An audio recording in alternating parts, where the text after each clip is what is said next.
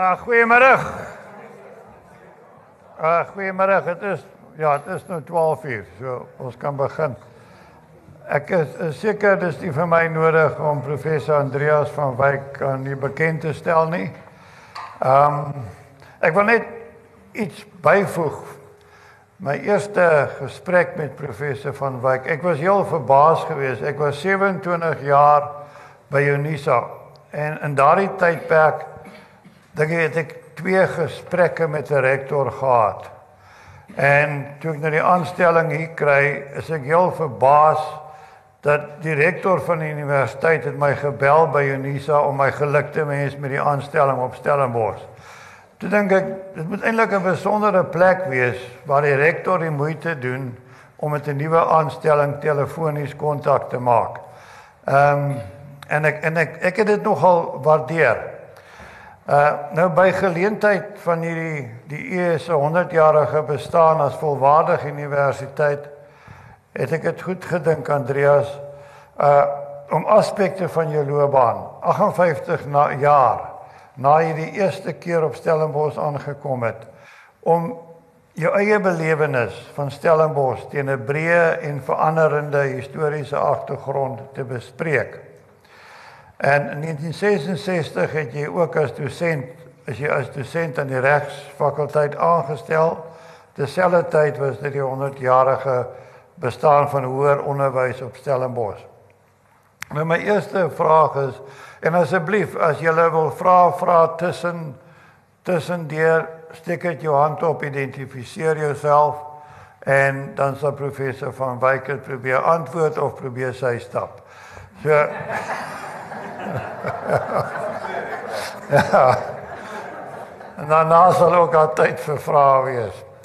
Uh professor Iten behelp mekaar hoërskool in Johannesburg gematrikuleer. Nou, waarom is jy toe Stellenbosch toe en nie die Universiteit van Pretoria nie? Ja, dit is 'n uh, interessante vraag, maar nou dis om dieselfde rede waarom ek nie affies toe is in Pretoria nie. Want ek moes eintlik volgens die destydse stelsel affies toe gegaan het. Maar my pa was direkteur van onderwys en hy het die skole geken. En hy het gesê hy stuur nie nog 'n seun, ekskuus Robbie, uh, affies toe nie, want die destydse skoolhoof, ene Dr Potgieter of Foun, was ook president van die Noord-Transvaalse Rugby Unie. Wat het verander? Uh en hy het meer aandag aan die Rugby Unie in sy skool gegee. Toe sê ek help mekaar toe gestuur in die koshuis. Tweedens, my pa het sy agtergrond was nie beïndruk met tikkies nie alle verskoning aan alle tikkies. Hy het gevoel dat die universiteit nie die beste uit sy studente gehaal het nie en dus is ek Stellenbosch toe gestuur. Maar die hoofrede eintlik is dat ek teen die tyd besluit het ek wil regte doen en my pa het by sy vriende in die regsberoep in Pretoria navraag gedoen en hulle het gesê die beste regsfakulteit was Stellenbosch. En dis hoekom ek hiernatoe gestuur is. Ek wil daarom net sê ek is die enigste rektor nog ooit in hierdie universiteitsgeskiedenis wat noord van die Oranje rivier vandaan kom. Ja. Ja, nee, dit is 'n breër perspektief hier, dankie. Ehm um, jy het in 60 na Stellenbosch gekom en 'n goeie deel van jou studentejare het saamgeval met die hoogbloei van Afrikaner nasionalisme. Maar daar was terselfdertyd ook tekens van krake en toenemende bevraagtekening. Uh hoe het jy die as jy nou met terugdink, hoe het jy die politiek op kampus in daardie tye beleef? Ja, Albert, dis soos almal vir ons gaan jy maar deur 'n groot word proses. Ek het help mekaar byvoorbeeld was dit baie duidelik waar jy gestaan het. Jy was 'n goeie Afrikaner seun My oupa was op Sint Helena, my ouma was in die konsentrasiekamp uh in Middelburg en uh jy het op die bus gesing die Engelse kinders vir jou Afrikaana vrot banana en dan jy vir hulle geantwoord rooi, wit en blou is die Engelse gebrou maar groen daarbey maak die boere bly. Dit is soos die atmosfeer destyds in die 1950s in Transvaal was. Teen die agter o ja, En die dag toe die regering die Senaat saak wen, die beroemde senatslitigasie in 1956 Die breinstemreg. breinstemreg te verwyder, het meneer Daan Goosen, die dissiplinêre hoof van die skool wat daarna een van die stigterslede van die HNP was, het hy oor die luidsprekers aangekondig: "Is seuns, ons sal almal opstaan en die stem sing want die regering het die senaatsaak gewen."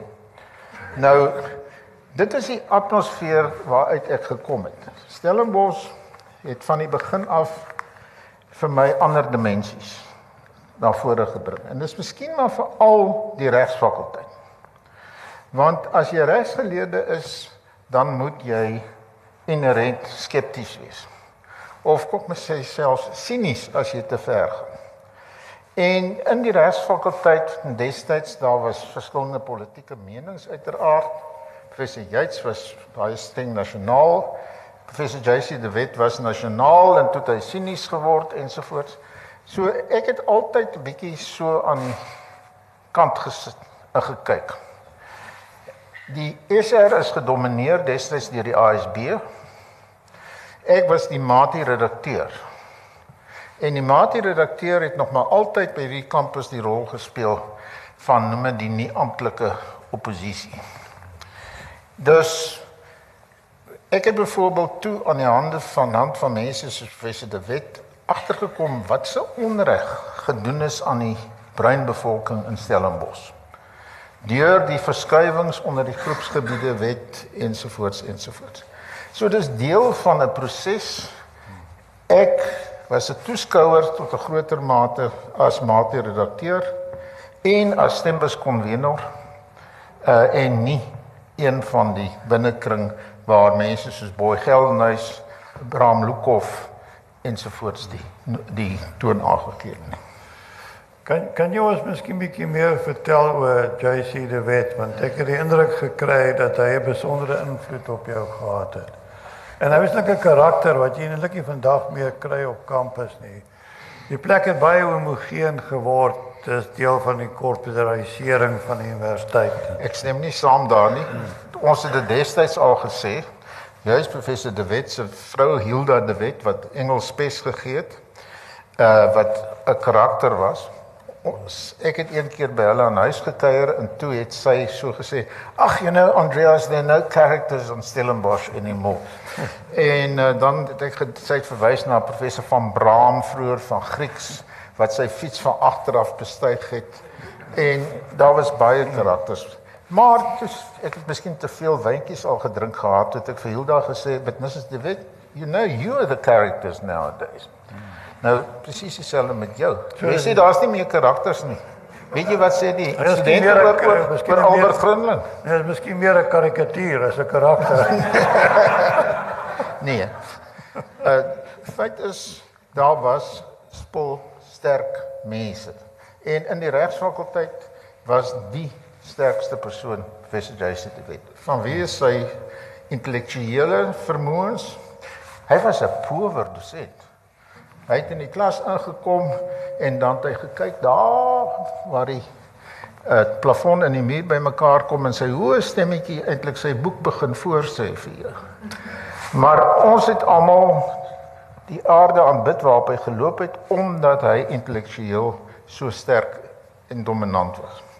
Maar hy was terselfdertyd baie betrokke by Stellenbosch se munisipaliteit. As stadsraadslid en as uh burgemeester. Altyd onafhanklik destyds. Daar was nog nie politiek uh, amptelik nie. Maar daar was die belastingbetalersvereniging wat eintlik die nasionale party ver, vermom was. En dan was daar die onafhanklikes wat eintlik die oppositie vernom was. Maar hy was altyd 'n onafhanklike en hy het altyd vir noem dit die rationaliteit gepleit in die stadsraad. Maar waar in die, ek sien vir Herman hier die boek wat Herman geskryf het oor uh, ons was nog altyd hier die bitterheid rondom die groepgebiede wet se toepassing in Stellenbosch het ons selfs as studente beleef. En ek moet sê onthou ek het uit die voetnoot Uh hier staan twee groot woonstelblokke daar naby die ingenieursfakulteit. Dit is destyds gebou as huisvesting vir die arm blankes van die dorp. Die bruines is uitgeskuif hier uit die vlakte. En uh nou, dit is wel toe en so, maar ook is daar vir blankes spesifiek daar gebou. In die een plek se naam tot ek my wete vandag nog is Filarion. Die ander is Lavanda, die la washuisterry en dan Filarion. Nou wat beteken Filarion in Grieks? Die minister wat dit toegepas het van gemeenskapsbou se naam was Blaar Kutsi. Ja. En Filarion is die Grieks vir 'n blaartjie. So hulle het die woonstel gebou met opset so goed. Ja, hy het ook later by die VP aangesluit dink ek, Blaar. Of hy het van die VP oorgekom na VP afgekom. Ja. Uh behalwe jy regs, mens jy was 'n regsdosent geweest Uh jy het ook 'n groot liefde vir tale en geskiedenis gehad. Ehm um, nou was daar dosente buite die regsfakulteit wat 'n groot rol in jou lewe gespeel het. Geskiedenis is half in my bloed gewees. Onthou my pa was 'n basiese vak was hmm. geskiedenis. So ek het in groot geword in 'n studeerkamer waar daar net geskiedenisboeke was. Maar op Stellenbosch, mense wat ek wil noem, is in die eerste plek uh, professor Andre Hugo gewees van Latyn. Op sy manier destyds ook 'n rebel want maar my iets geleer ook weer oor Stellenbosch. Andre Hugo was een van die stigters van die Christelike Instituut. Die kerk het die Christelike Instituut in die ban gedoen en gesê jy mag nie lid van die Christelike Instituut en 'n lidmaat van die NG Kerk wees nie. Andre Hugo het rustig aangebly in die ouderlingsbanke van die moederkerk sit terwyl hy 'n lid van die Christelike Instituut was. Want Stellenbosch het hom geag vir wat hy was, 'n besondere mens. Hy ongetwyfeld professor Frans Smits van Latyn tot 'n mate want hy het soveel gedoen om hierdie dorp se geskiedenis en sy geboue te bewaar. Maar dan met mense dink deesdae daai tyd was hy net stoere boere gewees. Dit was anders. Een van die dosente in Frans byvoorbeeld was Dr. Valerie Quinot. Sy was 'n Franssprekende Switser wat in die Tweede Wêreldoorlog hospitale bedryf het in die Sahara. Sy was 'n besondere dosent. En dan was daar nog 'n vreemde figuur, 'n professor Cecile de Reville. Sy was 'n Belgiese barones wat uit die Kongo hiernatoe gekom het destyds en ekonomie gegee het en ekonomiese teorie gegee het en baie van die idees waarvoor Sampi nou geloof is tot onlangs uh, was afkomstig van professor Cecile de Reville wat uit 'n sosiaal-demokratiese agtergrond gekom het. So daar was 'n klompie sulke nou met amper buitengewone karakters wat vir my 'n besondere rol gespeel het.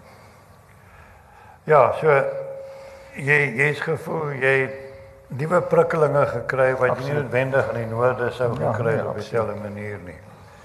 Ehm um, Mes kry ek indruk dat akademies het jy 'n aanvoeling ontwikkel vir die ou wêreldse universiteit. Eh, ehm um, jy's as gevolg van die feit dat jy in die turbulente 1960s uh in Europa was waar daardie tipe universiteite erg onder druk geplaas is.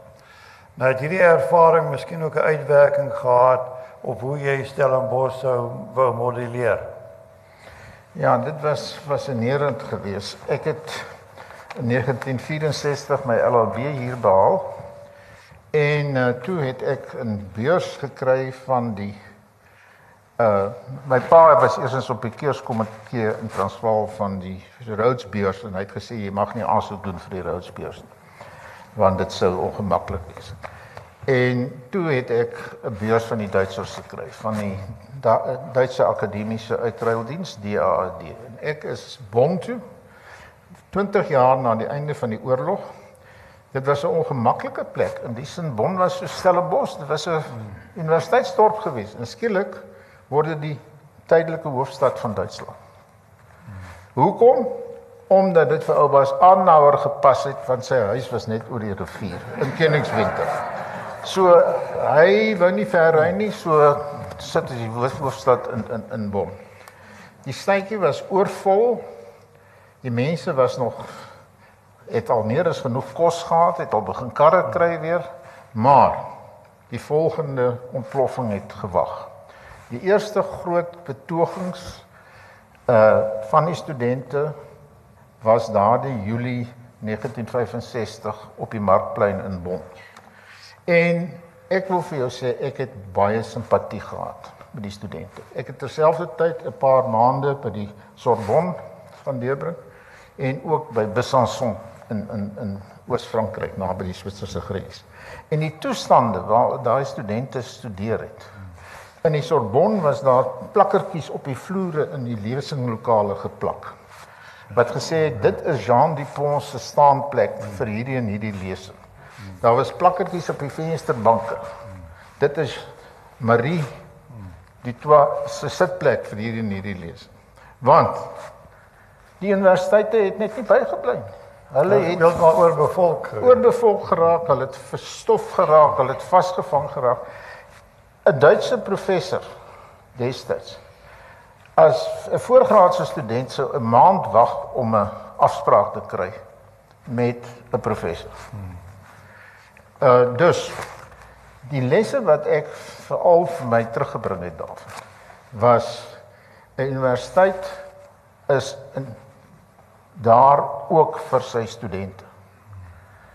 En is dis die eerste les gewees wat vir my verskriklik belangrik was. Daardie invloede van Roy Danny en dan die kombandiet en die mense. En dan die tweede ding was egter dat 'n universiteit ook 'n kulturele opdrag het. Dit is nie net 'n afrigtingsskool. Dit is ook 'n plek wat algemeen vormend moet wees. En dit was vir my die twee die dinge wat ek teruggebring het. Nou 'n paar jare later was ek bevoorreg om as rektor van Stellenbosch byvoorbeeld vergaderings by te woon van die sogenaamde Coimbra groep van Europese universiteite. Vernoem na die beroemde ou Portugese universiteit Coimbra. En dit is die ou tradisieryke tradisieryke Europese universiteite. Van Bologna, die oudste van almal, Coimbra, Parys, Leiden, al die ou Heidelberg natuurlik. En dis die een gemeenskaplikheid wat hulle gehad het was dat hulle hulle kulturele algemeen vormende opdrag baie ernstig opgeneem het. Ook ten opsigte van hulle ingenieurs nou goed, party lande is universiteite het nie 'n ingenieursfakulteit. Hulle is 'n afsonderlike instellings, maar vir alle studente 'n algemeen vormende opdrag. Ja, net net te loop noem algemeen vormende opdrag en uh ek het ook uh my gesinslede het hier studeer en my my pa het altyd met iets gesê wat altyd bygebly het. Is hy gesê by Stellenbosch het hy soveel verniet bygekry waarvoor hy nie betaal het nie. En dis daai algemeen vormende effek wat die wat die plek gehad het. Jy sien daar speel die koshuise altyd vir my 'n verskriklike belangrike rol gespeel. Want hoekom het daai bomme ontplof in Europa destyds? Daai studente het absolute net nommers geword. Ja. Hulle het in 'n lesinglokaal ingeloop, op die vloere gesit ensovoorts en hulle het geen kontak gehad nie, hulle het geen binding gehad nie. In 'n plek soos Engeland het dit minder gewees. Hoekom? Hulle het die college stelsel gehad. In die universiteit. Jy was daar 'n mens. En daarom het ek baie sterk altyd gevoel dat die koshuise is Stellenbosch se redding. Ons moet die koshuise sterk hou sodat want dis 'n binding. En nou nog Hoeveel van julle dink nie aan julleself in eerste instansie as 'n dagbreker of 'n wilgenoffer eerder as 'n maat nie? En ons moet daardie dinge behou. Ek ek dink ons as jy saamstem kos nou het tyd neem vir vrae as ja, enigiemand ja. iets op die hart het nou voor ons voor ons verder gaan. Net eh, ek een vraag het.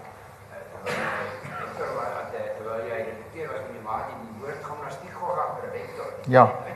Ja. Daar was so 'n rubriek gewees, lawerige rubriek kan nie onthou nie en ek dis jy weet jy moet baie versigtig wees want dit was taamlik tog hiërargies geweest. En uh, ek is 'n keer ontbied om professor Tom te gaan sien. want ek het 'n voorblad artikel geskryf waarin dit gegaan het oor die fondsinsameling vir die Langehoven gedenksaal en studente sentrum. En ek het daar geskryf my pa het in die 1930s al geld daarvoor ingesamel en nou was ons in die 1960s en die ding is nog altyd nie gebou. Kry ek 'n oproep van professor Tom se sekretaresse. Uh die rektor wil jou graag sien.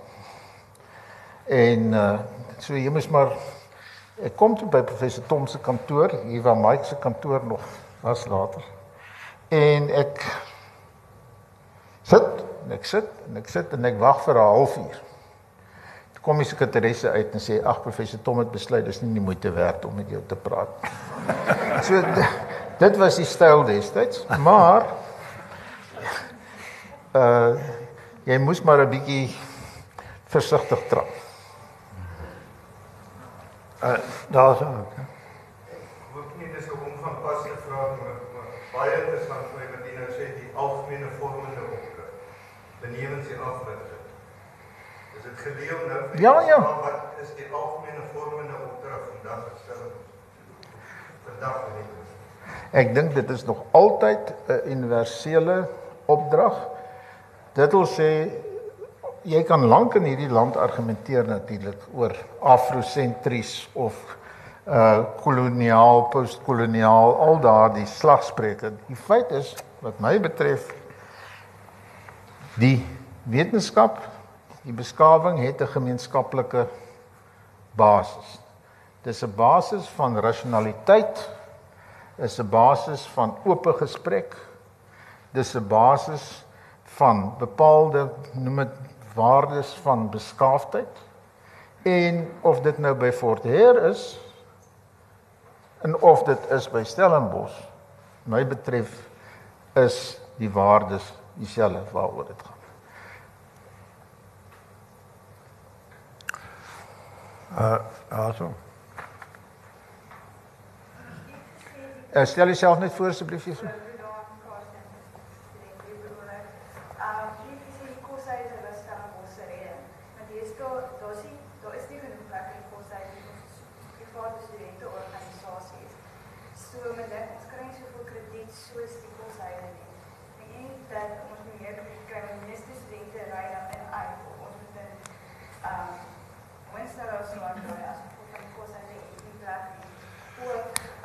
dis mense wat al wil wees. Dis sien die verplig word om huisvergadering te gaan, sekretarievergadering te hê. Ons ons kry soveel kritiek soos Ja, ek weet nie wat jy bedoel met kry nie soveel krediet nie, maar ek dink dat jy waarskynlik jy kry nie soveel voordele nie. Jy jy, jy put nie so diep uit dieselfde voordele uitlik. Dit hang saam met 'n vraag waaroor ons môreoggend hier praat met mevrou Ferns onder andere die vraag rondom is Stellenbosch vol. Môreoggend 9uur hier by die ATKV tent praat ons daaroor. Want dit is 'n ou debat. Ou debat. Moet daar nie een of ander maksimum vir die universiteit wees nie. Dit is baie moeilik want die universiteit is besig myns insiens om te groot te word. Maar nou aan die ander kant om dit te sê, die regering oefen baie druk uit. Hulle wil al hoe meer studente hê, al hoe meer studente hê. Die dorp kan dit eintlik nie hanteer nie. En toe ek 'n student al was, was die vraag of die 4000 studente toe in die dorp nie te veel was nie. Dus uh ek het nie vir 'n eenvoudige antwoord nie. Wat ek wel kan sê is dat daar is daarom lank al probeer om ook vir die kom ons noem dit die dagstudente, die PSO studente soortgelyke strukture te skep met die PSO wyke. Ek weet nie hoe goed hulle nou werk nie. Op 'n stadium het hulle nogal goed gewerk. Ons het klubhuise opgerig vir elke PSO wyk.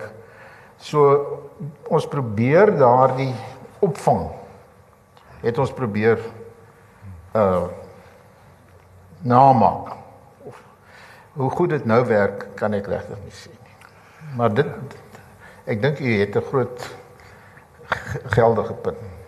Ek dink ons kan net weer terugkeer na 'n vraag. Ek wil net vir jou vra nou wat wat jou in verband met jou doseerloopbaan. Jy het jou veral in privaat reg en handelsreg onderskei. Nou, het jy genoegsame bevrediging uit doseerwerk en navorsing gekry sonder dat die praktiese regspraktyk uh, ooit gewink het?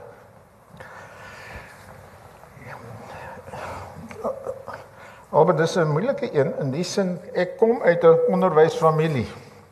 En ek is maar inherent 'n onderwyser, 'n dosent en ek het altyd 'n verskriklike bevrediging gekry en ek het laas en die laaste jaar eers opgehou klas gee. Uit die uit die klas gee. Maar veral as jy in hierdie rigtings soos uh handelsreg, maatskappyreg doenig is, dan uh, lok die praktyk uiteraard. Ja. En dis dikwels 'n gevaar in stede soos Pretoria waar byvoorbeeld dink ek die universiteite daaronder gelei het dat baie van die regsdosente ook half tyd in die praktyk gestaan het. Dit klink nou wonderlik aan die een kant jy die praktiese blootstelling maar aan die ander kant beteken jy gee nie die volle aandag aan jou studente nie. En ek het daarom altyd die voorreg gehad om ook so 'n bietjie noem dit by die praktyk betrokke te wees. My twee prestasies waarop ek miskien die trotste van alles is, is dat ek eerstens gebaseer op my proefskrif in Leiden die wetgewing geskryf het wat getroude vrouens gelyke regte gegee het in die huwelik. Die gelyke bestuur van die gemeenskaplike boedel, die wet op huweliksgoedere van 84 en nou ook die wet op egskeiding van 79 het ek ook grootendeels self geskryf. Dus jy kon so betrokke wees in 'n konsultatiewe verhouding uh, rondom nuwe wetgewing. En daarna natuurlik toe ek weer hier was, was ek baie betrokke in die sake sektor. Uh ou mutual se voorsitter die uh distillers koöperasie. So ek het in die sake sektor en in advies meer as wat ek nou werklik uh noem dit gaan advokaat speel wou speel. Uh dankie. Jy het in 84 het jy die akademie verlaat om hmm. direkteur-generaal van staatkundige ontwikkeling te word en ontwikkeling en beplanning. Nou dit was net na die instelling van die drie kamer parlement. Uh wat het jou oorweeg om hierdie skuif te maak? Uh, was daar 'n mate van onnigtering met die universiteitswese of het jy bloot uh, nuwe uitdagings gesoek? Man, mens kan sistematies sê dit was 'n kombinasie en naïwiteit was deel van die kombinasie. Want jy sal onthou daardie tyd. Uh die spanning in die land het opgebou want in die swart gemeenskappe is die drie kamer parlement allerweë gesien as 'n uitsluiting van die swart. Die bruines en die indiërs en, en julle wites konkel saam en ons gaan nou finaal uitgestoot word. Nou ek en Ben Vosloo wat nou in Australië sit, by staatsleer was, het baie te doen gehad agter die skerms met die wetgewing rondom die drie kamer parlement. Maar ons het dit 'n vierkamer gehad want die reaksie was te voorsien. Maar toe is nog nog altyd gesê swartes het geen permanensie in sogenaamde wit Suid-Afrika. En die spanning het begin opbou en daar was by die universiteit destyds 'n verskriklike spul onderlinge stromings wat ek nie meer gelukkig was nie. En tweedens ons het almal gevoel dink ek mense van goeie wil Willie Bruitenberg en so kan mens ander name noem het gevoel ons moet die land gaan probeer help red. En ek het in my naïwiteit het gedink dat ek daar kan 'n groot rol speel. Nou, dit was seker die moeilikste 3 jaar van my lewe want dit was glad nie maklik in Pretoria. En veral nie rondom meneer PW Botha nie. Want ek het vir Chris Jonas gewerk en hy was baie nou gekoppel aan aan PW Botha, maar PW het totaal onvoorspelbaar geword. Hmm. Ons het gevoel, nou as jy praat van ons, dis mense soos ek, van die Kloete, Willie Breitenberg, baie van hulle hier by die universiteit ook nog. Het gevoel ons het vordering gemaak.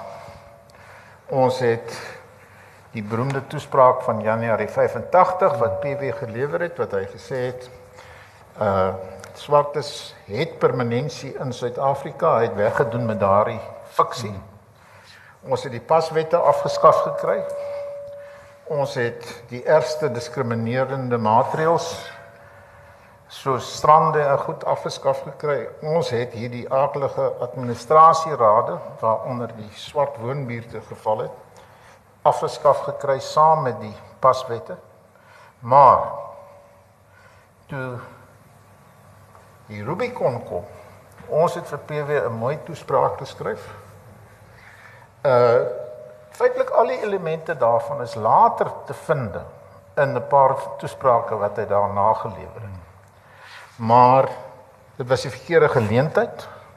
Ons moes nie vir PW probeer oortuig het om by 'n nasionale party kongres 'n vernuwende toespraak te gee. Die sielkunde was heeltemal verkeerd.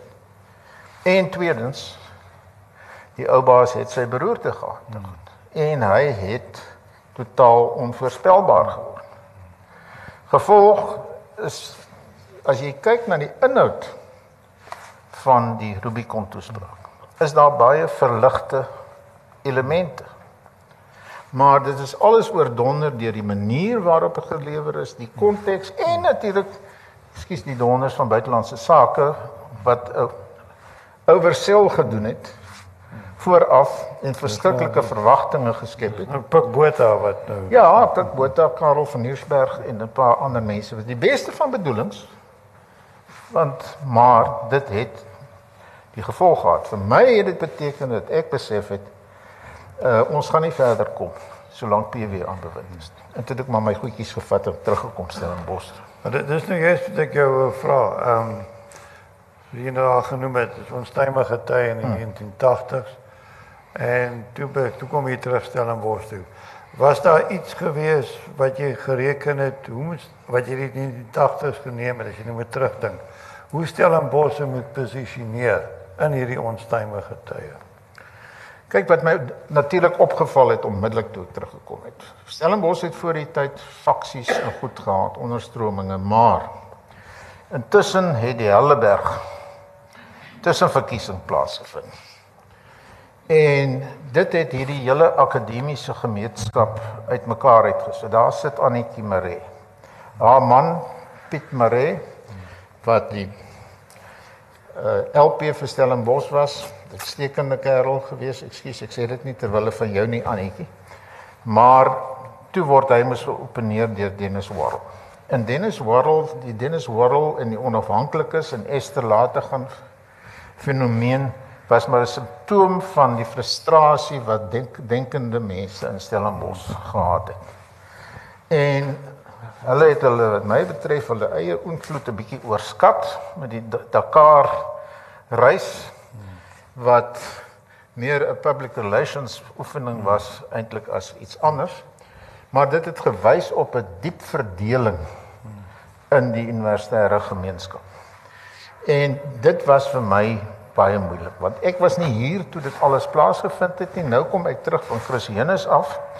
En Chris Hennis is nou die een wat nou uh deur Dennis Worrell teëgestaan is in in in in al die hele storie. So dit was baie ongemaklik. Maar ek het juis besluit dat kom ons probeer hierdie universiteit konsentreer op sy gehalte. Hierdie moet 'n instelling van gehalte wees. En ons probeer daardie verdeeldhede oorbrug deur uh deur te konsentreer op op die gehalte. En dit is ook binne daardie konteks bietjie later dat ons toe nou in die wet op universiteit van Stellenbosch ingeskryf het dat dit 'n Afrikaanstalige universiteit is. Uh, maar ander tale kan ook gebruik word uh wanneer dit nodig en wenslik is. So dit was 'n En dis en ek dink dit is 'n baie belangrike stap as ek nou terugkyk. Ek was nou onlangs betrokke by universiteit se geskiedenis. En die een ding wat my uitgestaan het in 1980 was die klem op die akademie. Hmm. En dit is veral na daai verslag verskyn wat stel in die middel 80s wat Stellenbosch byna op die laagste op die tabel was ons die uh, nasionale navorsingsstigting. En daar is dan doelbewuste poging om uit daardie negatiewe situasie te kom. Ehm um, in die in in Julie 1991 is jy as visierektor bedryf aangestel en in Julie 1993 as rektor. Nou die, jy was eerste rektor in 'n gans ander bedeling as van tevore. Die sogenaamde politieke vangnet van die staat waarop Stellenbosch tot 'n mate kon reken, het nou stelselmatig begin verdwyn. Wat het jy in daai tyd as die grootste uitdaging gesien? Ja, dit is interessant wat hier sit Piet Maree wat minister van nasionale onderwys was, vrou in Renée de Vries, Mike de Vries se vrou ook. Uh die skuwe na meer navorsingsgefokusdheid het al onder Mike begin. Maar ons het dit baie versterk daarna. Jy praat van die uh wat jy genoem beskermende sambreel uh, of vangnet, vangnet. Kyk, jy daarom uh in hierdie nuwe bundel oor die universiteit se geskiedenis bespreek uh Estienne Kalitz die bewering ook wat gemaak word soms dat Stellenbosch nou voorkeurbehandeling in die ou bedeling gehad. Daar was geen voorkeurbehandeling nie. En dis natuurlik het ons 'n vriendelike oor gehad by iemand soos Piet Maree was LP vir Stellenbosch gewees. Maar die verdeling van fondse is resepmatig gedoen volgens formules en Stellenbosch moes daar meeding en sy geld en sy ander dinge verdien net soos enige ander universiteit. So jy het 'n vriendelike ontvangs gehad, maar nou moet jy ook onthou in daai tyd die KUH, ek sal dit nou maar nog altyd die KUH noem en daarna onder name gehad. Komitee van Universiteitshoofde. Dit het toe SAFCA geword, South African Vice University Vice Chancellors Association, dis nou HISA, Higher Education South Africa. Dis nou maar die klub van die universiteitsrektore. Deesdae sluit dit nou die ou tegnikons natuurlik ook in die die universiteite van tegnologie. Nou die KUH destyds, toe ek nou daar betrokke geraak het as visierektor en rektor, was amptelik eintlik verdeel. Daar was 'n subkomitee vir die Engelse universiteite en daar was 'n subkomitee vir die Afrikaanse universiteite. En ons het saam gekookus. Die swart universiteite was nie deel daarvan nie. Hulle het eers later bygekom. So jy het partikuliere belange gehad, maar jy het ook algemene belange gehad. En ons het by die KIH taamlik gou begin probeer om die gemeenskaplike belange te beklemtoon. En ek dink dis die grootste verskil wat in die nuwe bedeling gekom het. Want nou moes die Afrikaanse universiteite en die Engelse universiteite saam teenoor nuwe uitdaging, nie bedreiging noem nie, nuwe uitdaging staan. En daar het byvoorbeeld ek later 'n uh, uitstekende samewerking bondgenootskap gehad met Mampela Rampele van Aitjies, ons tradisionele vyande.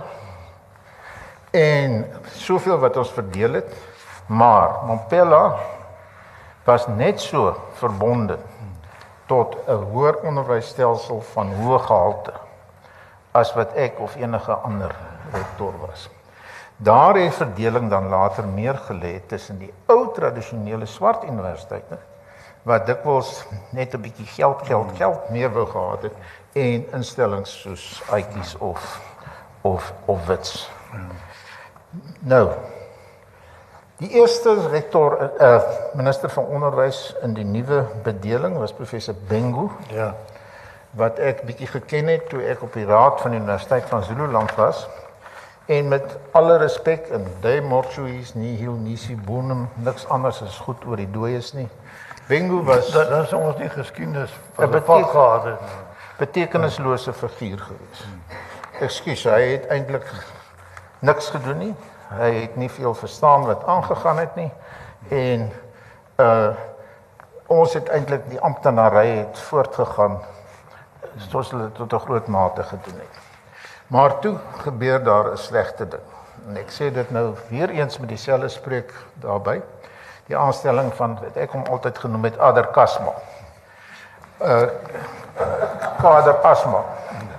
Want uh Fese Kasma, Asma, ekskuus, was 'n uh, 'n man wat gedink het hy het al die ander antwoorde wat van skoolonderwys niks verstaan het nie en gedink het omdat hy in uh by die Trinity College Universiteit, baie beroemde plek in Dublin was, dat hy alles van universiteite afgeweet het.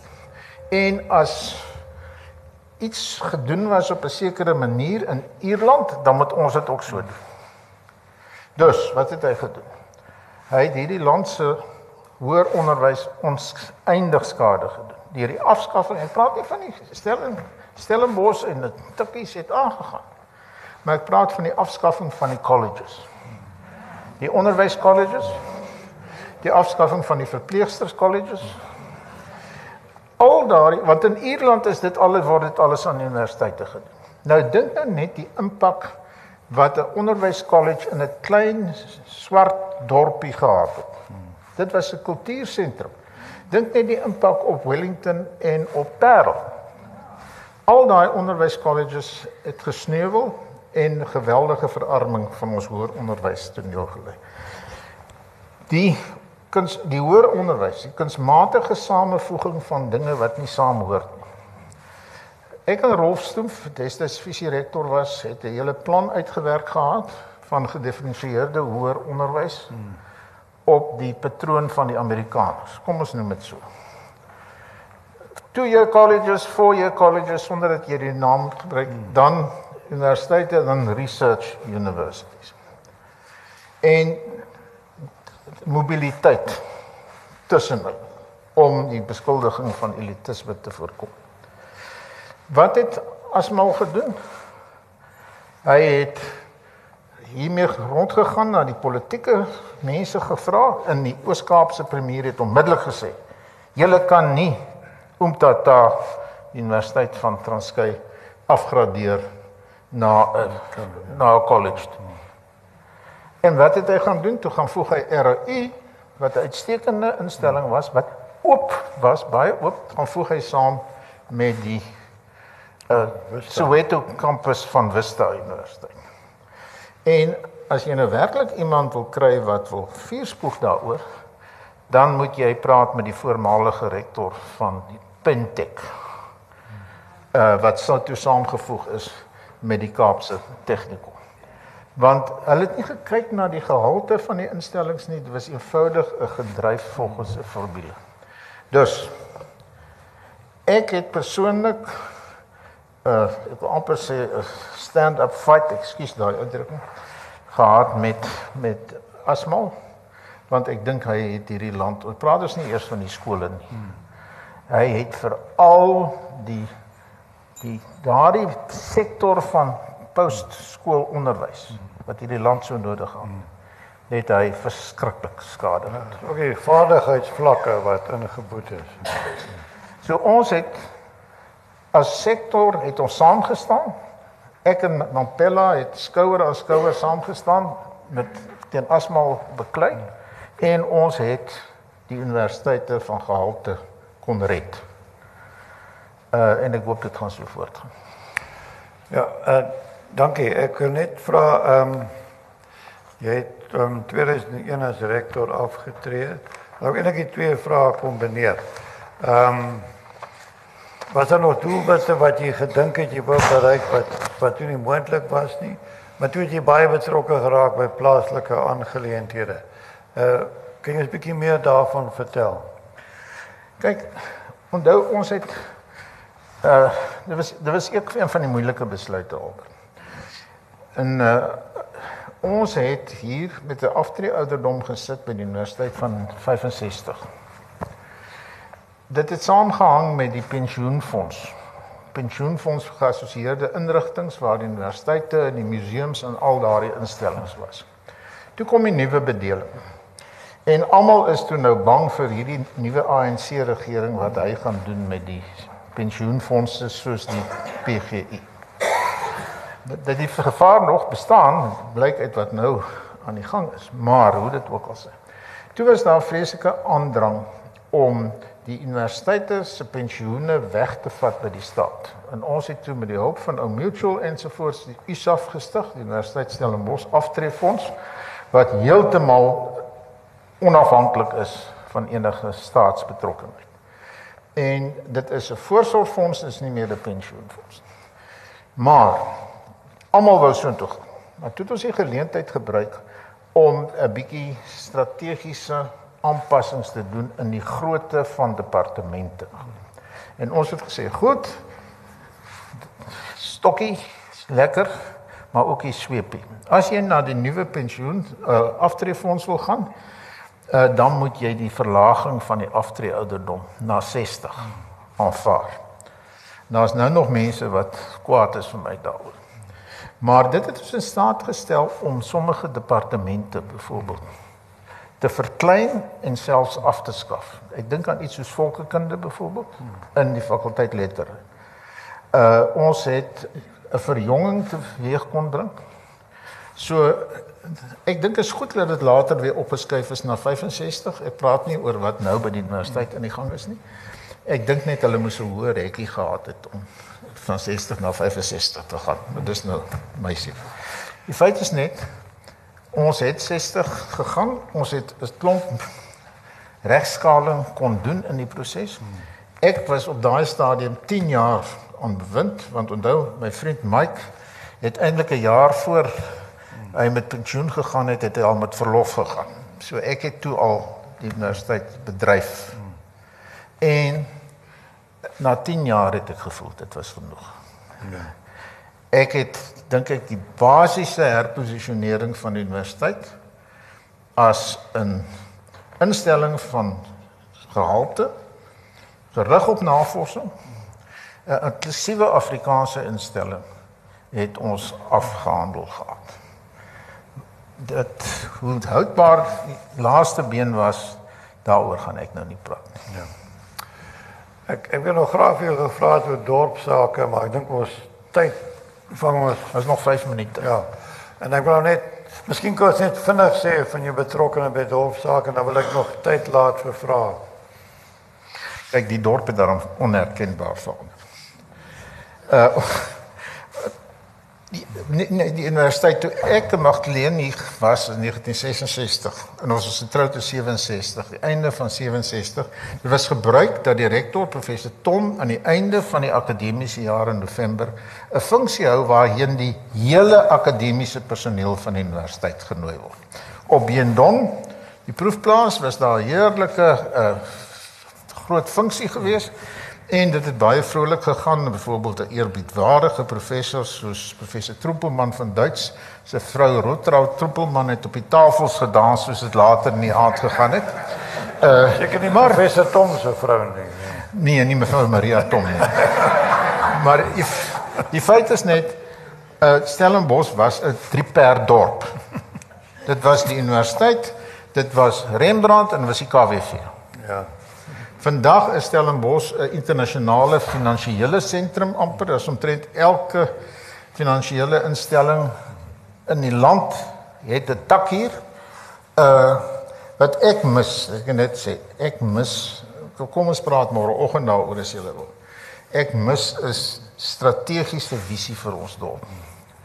Die dorp word relatief goed bestuur as ons vergelyk met ander plekke. Maar Ek was betrokke by die toerisme veral wat is die grootste bedryf in hierdie hele dorp. Dit voorsien baie meer werkplekke as landbou ensovoorts. Maar ek wil graag rondom die shape and size van hierdie dorp wil ek meer 'n strategiese visie sien en ek weet nie of ons dit gaan kry nie. Uh, dankie Andreas. Uh, tyd vir twee vrae. Wessel Prof, ek het nog al die jare studente vrae op jou. Ek is nog veilig met wat ek kan vra. Ja, nee, asseblief. Uh, aan die einde van ons jaar ons rapporte kry en altyd verstaan swart lys 1. Nou, ek het eers in my nagraadse jare swart lys dinge gedoen toe ons vlaagstrit wat ek toer en uh en dit maar die jare voor dit niks het goed. Hoe het altyd gestaan swart lys 1? Wat het ons verkeerd gedoen om swartlys te kry of het iets anders gestaan? Nee, swart lys dit beteken dat jy jou akademiese krediete voldoen het. En dit beteken as jy een gehad het daar, dan was jy nie op die swart lys nie. Jy kan nou rustig slaap hierso. Jy kan uh, ja.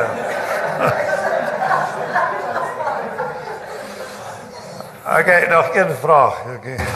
Professor, kan u nog ons sê die die bevo die beplande befondsing tyd en watter mate gaan dit inwerk op die onafhanklikheid van ons tyd? Hoe meneer Stoffberg, ekskuus, dis Pieter Stoffberg vroeër van die Parel, 'n student van my. Uh Ek weet natuurlik nie eintlik meer nie, maar ek hou nou die wetgewinge goed op en ek het baie uh hoë waardering en ek het gevoer gesprekke ook vriendskaplik met uh, professor Stan du Plessis wat nou die uh hoofbestuurder, wat noem hulle dit? Uitvoerende hoof van die universiteit is. Uitstekende kerel. Uh nou die wetgewing maak dit moontlik vir die regering om sy befondsing baie meer te hef bo as wat eintlik vroeër die geval was. In die sin daar kan nou sogenaamde transformasie teikens gestel word en dan kan die regering nou sy befondsing gebruik om daai uh transformasie teikens uh te hef bo. Die in die wet op hoër onderwys wat ek opskryf het destyds in hoe wanneer was dit 1994 dink ek. Uh is die universitaire ekonomie taamlik goed verskans. En voordat die regering kon ingryp, moes hy deur 'n hele reeks step, stappe gaan. En nou moet ons begryp begrippe hê Pieter. Daar is van hierdie hoër onderwysinstellings wat chaos was en nou nog chaos is. So dis die dilemma. Ons wat Stellenbosch is wil sê totale autonomie. Maar die Mangosuthu Universiteit van Tegnologie in Durban is permanent op die rand van anargie. En jy kan nie twee verskillende stelle reëls hê nie. So wat jy ons maar probeer doen het is ons probeer soveel uh, beperkings inbou om dit vir die regering moeilik te maak om in te gryp in die autonomie van die universiteit. Maar hierdie jongste uh wetgewing uh van laas jaar maak dit makliker. Ek dink die die befondsing op hierdie stadium ten spyte van hierdie wat my betref belaglikheid oor vrye hoër onderwys. Uh lyk my gaan nie te versteurend wees nie. Nie as ek luister na wat standaard plesier die mense sê. Reg, baie dankie Andreas vir baie insiggewende oorsig oor 'n uh, hierdie woorde van meer as 50 jaar. Baie dankie. Baie dankie Albert vir jou.